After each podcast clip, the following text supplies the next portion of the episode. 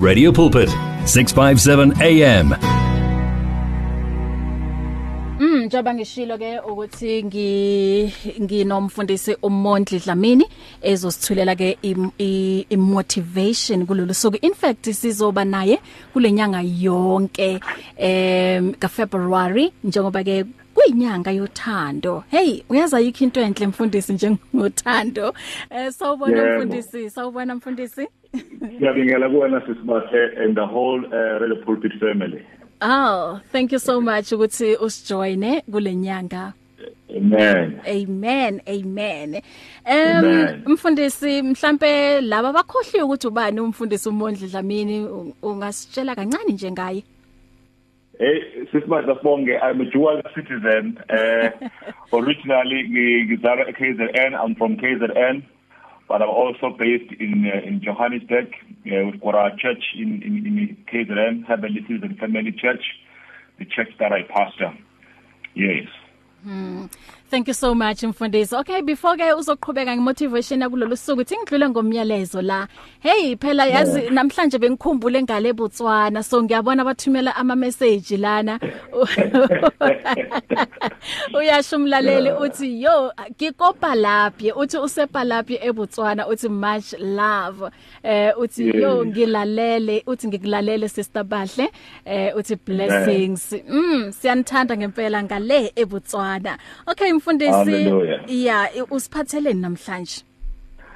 I think namhlanje sisibase let's talk about relating uh, well with other people relating oh, to others. yes. Yeah Good. yes. Mm. Yeah. Ungaqhubeka uh, mfundisi just go for it. Thank yes. you very much. Thank mm. you very much. Sibonga kwena sisibase eh nabalaleli egameni lika Jesu Christu inkosi iseyinhle eh nantambama.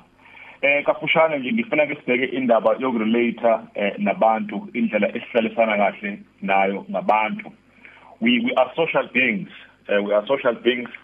Eh akekho umuntu ongayiphilela ngokwakhe noma singana impahla eningi eh sibe nayo ingcebo eningi. Kodwa leyo nto ayisivali isikhala eh sesidingo somuntu in our lives. So we are social beings. So this afternoon i would really like us to to have a look at how uh, we relate uh, with other people. Eh kuneverse elithi eh hlalisana ngokuthula nabantu bonke hlalisana ngokuthula nabantu bonke. Ongenayo ongenako ukuthula angeke ayibone inkosi. So kulenyanga yokuqhakambisa uthando uh, it's not only about the month of love but we should be living in love uh, for the rest of our lives. Maybe i i'd like to use a, a scripture reference. uh, in the book of Luke chapter 10 uh, verse 27 wakhona ngizocaphuna nje just a short verse in that scripture. It says love your neighbor as you love yourself. Love your neighbor as you love yourself.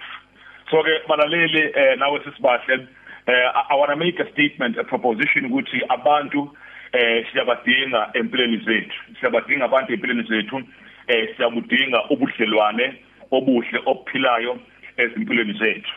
So so now now the, the measure that the scripture is using today uh, is talking about loving your neighbor as you love yourself. I, I think nje makuza ethandweni kubalekile ukuba siqale la amandla ethu efika khona. Kunzima ukuthanda uNkulunkulu eh ungambonanga wehluleka ukuthanda umakhelwane oseduze nawe. Our neighbors are people that are close to us are people that will get to us first when we're in trouble are people that we see that we we, we put an experience with. So now the bible says we should love our ourselves uh, we should love our neighbors just as we love ourselves. Okusho ukuthi izinto oyifisela zona nokuzithandayo akube the same thing oyifisela eh omunye umuntu.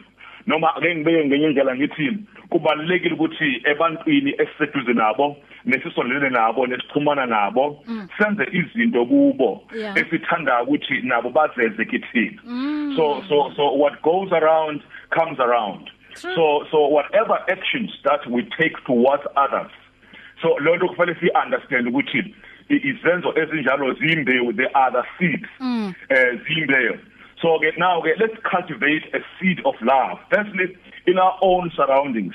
Eh na- na- na- nasebantwini abaseduze nathi silwele ukuphula singabi abantu abaxabanisayo eh singabe abantu ababhedizayo kodwa silwele le ndaba yokuthola ngoba lento esiyenza kwabanye abantu eh actually in actual fact we are doing it to God. Uthi uNkulunkulu eh, kwesinye scripture uthi ngangilambile aningiphanga ukudla. Yabona? Ngangilambile aningiphanga ukudla. So bathi laba ke sakubona nini ulambile? Bathi uthi uJesu ke no lokho enikwenze kwabanye nikwenze kimi.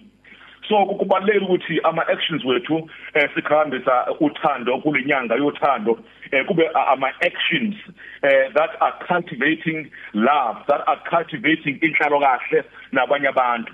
So izinto esiyidisela zona akube izinto esiyidisela nabanye abantu so kunamazwi amanye ashiwo eh ubaba uDr eh, John Maxwell. Uthi abanye abantu they they they cause happiness when they live. And the other people they they they create happiness whenever wherever they go. So khona umuntu mangabe hamba eh kujabula abantu eh kube injabulo kwabanye abantu. Kodwa khona futhi omunye umuntu othi mangabe esifika endaweni afike abe i source of happiness eze nentokozo eze nenjabulo so I, and i think we've got a choice this evening ukuthi eh, lapho sikhona kwi environment yethu eh, eh, eh, are we creating happiness? Are we the source of happiness? Are we cultivating the atmosphere of love? Are we cultivating an atmosphere of loving other people just as we love ourselves. So uma ngibona uba ngisendaweni la khona mhlambe eh, ngihlukumeza abanye abantu eh, and and if that will cause me uh, uma ngihamba if that will cause me them to be happy it means that I must create a space uh, so that other people might be happy. Kodwa futhi kubalulekile ukuthi sibe intentional in our actions uh, in cultivating a culture of love. eh ngeke sibe nawo wonke la amanye ama social ills. Uma izwe lakithi kuyizwe elinothando ama families wethu kungama families anothando individuals within the families kungama individuals are grown up are cultivated uh, the seed of love. We need one another. Eh uh, kunesinye isisho esithi none of us is smarter than all of us. None of us is smarter than all of us. Kuthiwa mangabe ufuna ukuhamba a long distance ufuna ukuhamba a long distance you bring others with you. You bring others with you. But if you want to travel fast and not too far you go alone. So we need one another. We need each other as individuals. And we serve God through people. We serve God through people. And noNkulunkulu uyabasebenzisa abantu. Uyabasebenzisa abantu eh, ukuletha izinto ezithize empilweni zethu. For example God will work your promotion through other people. There are people that God will send to your life and abasebenzise as step ladders or as scaffoldings uh, in building your future in making sure that you get to your destiny.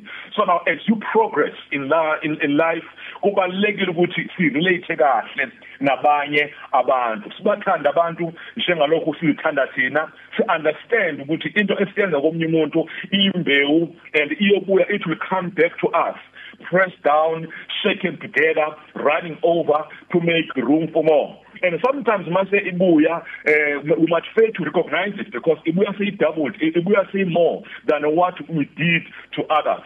Maybe in this month of love let's cultivate let's promote the, an act of kindness uh, and kube i lifestyle kube i habit yethu as individuals kube i habit yethu njengesizwe kube i habit yethu njengama families and believe me sisibahle ukuthi uh, in most ama social ills amaningi esinawo uh, or gender based violence and etc uh, uh, uh, will be healed out yeah. of all those things mm. because we are living in a culture of love mm. let's relate well uh, with others let us invest into oyenza komunye umuntu it is an investment you are investing mm. uh, sometime down the line you're going to reap a reward of your actions towards others yeah. so that's very important so ukuthi sicabange ngeharvest in advance ukuze iharvest esifunayo mm. down the line it inform the kind of seed that we need to sow in the now. Yeah. and awukwazi ukushintsha iharvest without changing a seed. Eh ezinye izinto esizivunayo empilweni zethu right now. Ziyimithelela yembewu esiyitshalile. So it's crucial ukuthi uh, in this month of love the last promoter khona uthando let's cultivate the seed of love. Invest in other people one day you're going to reap a dividend. Mm. you're going to reap a dividend that is pressed down shaken together running over to make room for more. And masuphezulu ungabakhohle abantu uNkulunkulu abasebenzisile ukuthi akubeke la ekubeka khona. Don't neglect don't undermine the people that God has used in your life as your scarf holdings asikubeka ukuthula sicultivate ukuthula sicultivate uthando sirelate kahle nabantu sihlalisane kahle nabantu uthande umakhelwane wakho.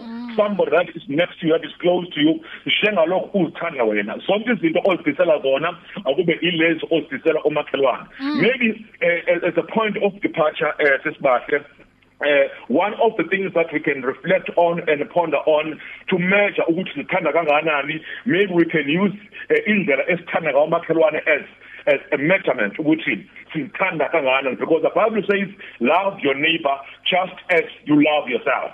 Ukuthi if you hate your neighbor uh, you don't love yourself awuzifiseli izinto ezinhle love your neighbor just as you like yourself. Believe you me if umakhelwane ehlezi kahle sisibahle nabalaleli mm. nawe uyohlala kahle. Mm. inkinga kamakhelwane inkinga yakwakho.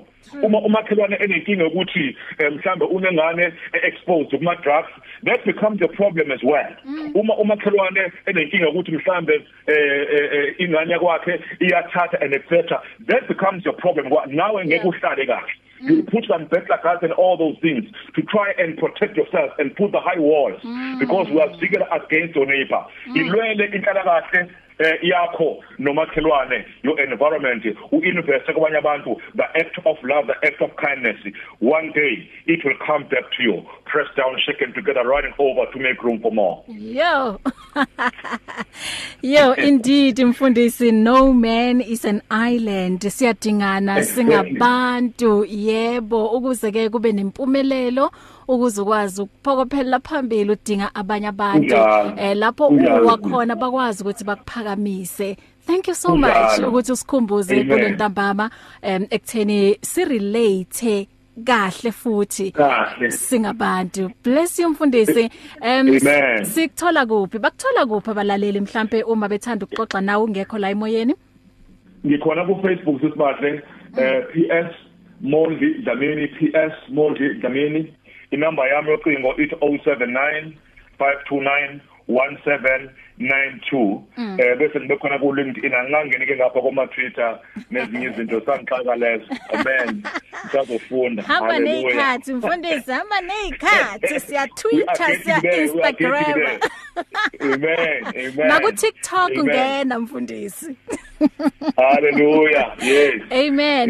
Sizohlangana futhi next week. Inkosi nje kubusise sibonga kakhulu sisibahle sithi nje 2 are better than 1 intambo emicu umthathu ayinaqabuka so asilithi kahle nabantu inkosi inibusise god bless mm, you. umfundisi Sean Setlari uthi powerful message uthando love eh waphinda washo naye egcizelela le ndaba ukuthi no man is an island. Eh yeah ukhalimambo naye uthi amen ku motivation thank you mfundisi. Bless you. Amen. Thank mm. you very much mr god bless you and dear listeners. Ya angimphelezele ke umfundisi uMondli Dlamini. Siyangale eBotswana. Ngikulandela uThepo Lusole uthi use me oh lord. One vision one voice one message. Radio Pulpit 657 AM and 729 Cape Pulpit impacting lives from Gauteng to the Cape. If you need prayer please send your request to prayer at radiopulpit.co.za or WhatsApp 067 429 7564 or go to Radio Pulpit website on www.radiopulpit.co.za Radio Pulpit's Facebook page makes you more a part of the station than ever before. Now you can give your opinion regarding our programs or even contact your favorite presenter. You can get the latest news and existing programs and communicate with other listeners. Come on, let your fingers do the talking on Radio Pulpit's Facebook page. It's interactive and dynamic. Just visit facebook.com forward slash Radio Pulpit. You and 657 AM and life, a winning team on the road to eternity.